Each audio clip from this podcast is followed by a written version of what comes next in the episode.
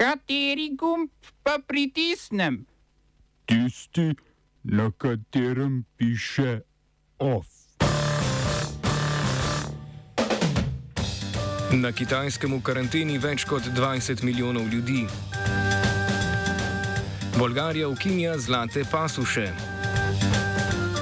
Po izpadih elektrike odstopil direktor elektroprivrede Srbije Milorad Grčič.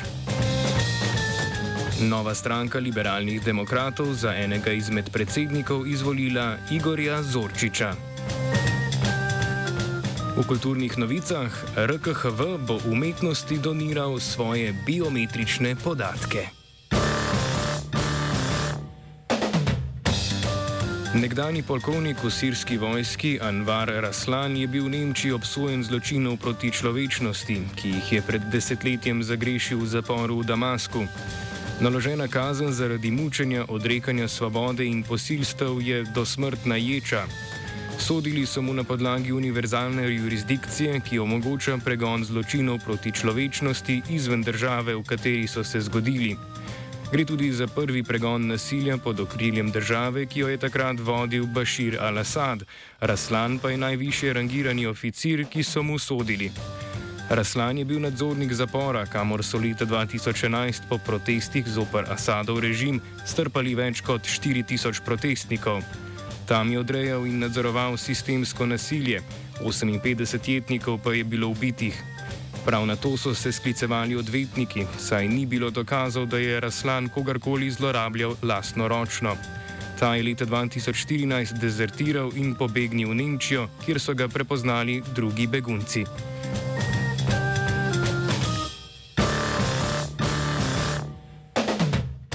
Na kitajskem s polno paro tečejo priprave na pekinške zimske olimpijske igre, ki jim grozi nova različica koronavirusa Omikron. V prizadevanju za omejevanje širjenja tega zelo nalezljivega seva je Kitajska v karanteno poslala več kot 20 milijonov ljudi in sicer z manjšimi ali pa večjimi omejitvami gibanja.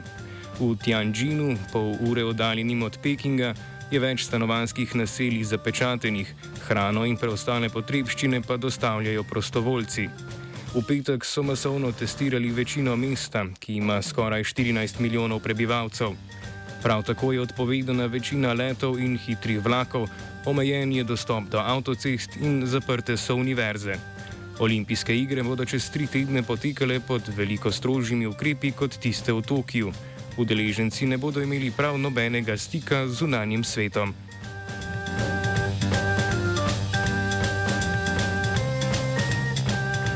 Talibska vlada v Afganistanu je predstavila načrt za razdeljevanje več milijard evrov pomoči, ki jih je bila deležna prejšnja vlada v Kabulu. Predlagajo novo institucijo, ki bi jo sestavljali tudi predstavniki trenutne vlade. Po lanskem umiku ameriških vojaških sil in zmagi talibov v državi je večina tujih institucij ustavila humanitarno pomoč, kar je v Afganistanu pripeljalo do pomankanja osnovnih dobrin. Združeni narodi so ta teden donatorje prosili za skoraj 4 milijarde evrov pomoči v Afganistanu, ZDA pa so se zavezale k dodatku v višini 300 milijonov. V talibski vladi menijo, da je njihova pomoč pri distribuciji nujna, saj bolje poznajo socialne okoliščine državljanov. V organizaciji Združenih narodov niso sporočili, ali so pripravljeni sprejeti takšen dogovor.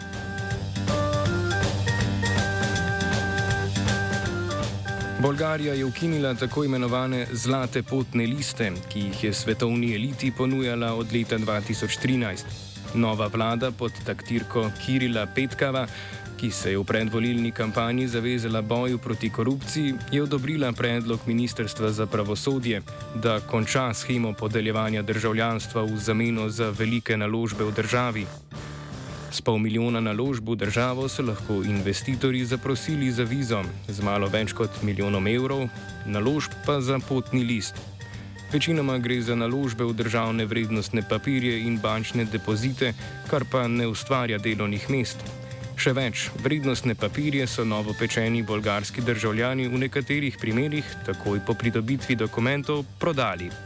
V schemi prodaje državljanstv naj bi do sedaj bolgarske potne liste pridobilo 96 ljudi, večinoma iz Rusije. Schemi je močno nasprotovala Evropska unija, tudi zaradi tega pa Bolgarija še ni članica šengenskega območja. Potem, ko je pred dobrim letom prodajo državljanstva ustavil Cipr, ostaja Malta zadnja država, v kateri si je mogoče kupiti potni list z 12 zvezdicami.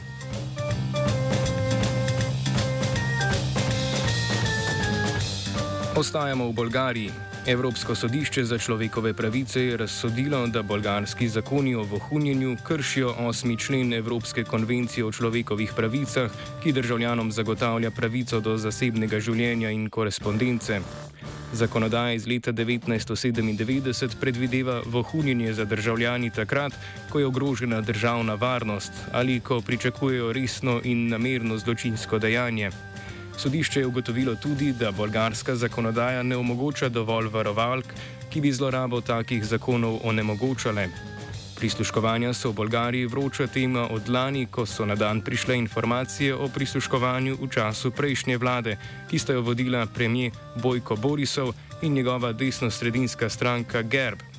Augusta je parlamentarna komisija razkrila, da se je prisluškovalo 900 osebam, med njimi politikom, novinarjem in aktivistom.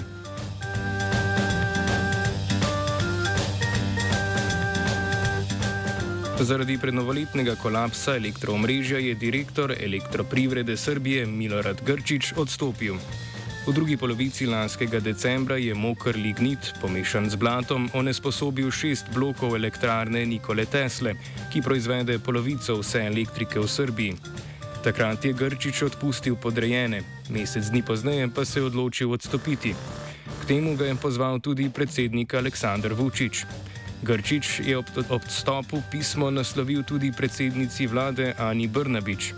V njem svari pred popolnim uničenjem srpskega energetskega sektorja, če na položaju ministrice za rudarstvo in energetiko ostane Zorana Mihajlović, saj naj bi ta delala le za zahodne poslovne partnerje.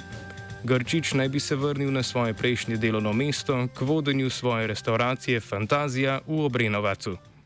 Oba, če bom odgovoril na angliški. Slovenija bo poskušala pomagati. Slovenija bo naredila naš utmost, da bo rekla, da je situacija naš problem, naš sebe. In bomo naredili nadaljnje korake, as soon as the conditions are. Bomo vlado Marjana Cererera Šarca podprli. Very, very serious. From Slovenija. We know how and we will.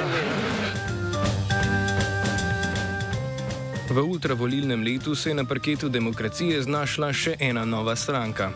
Liberalni demokrati, krajše Lide, nameravajo življenje izboljšati predvsem srednjemu sloju in malim podjetnikom. Program pa spremljata tudi obnovitev demokracije in vladavine prava ter razmislek o stanju okolja.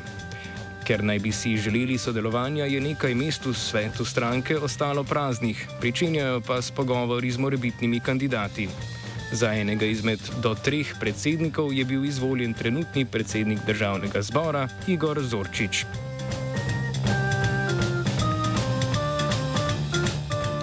OF je pripravila Lucija.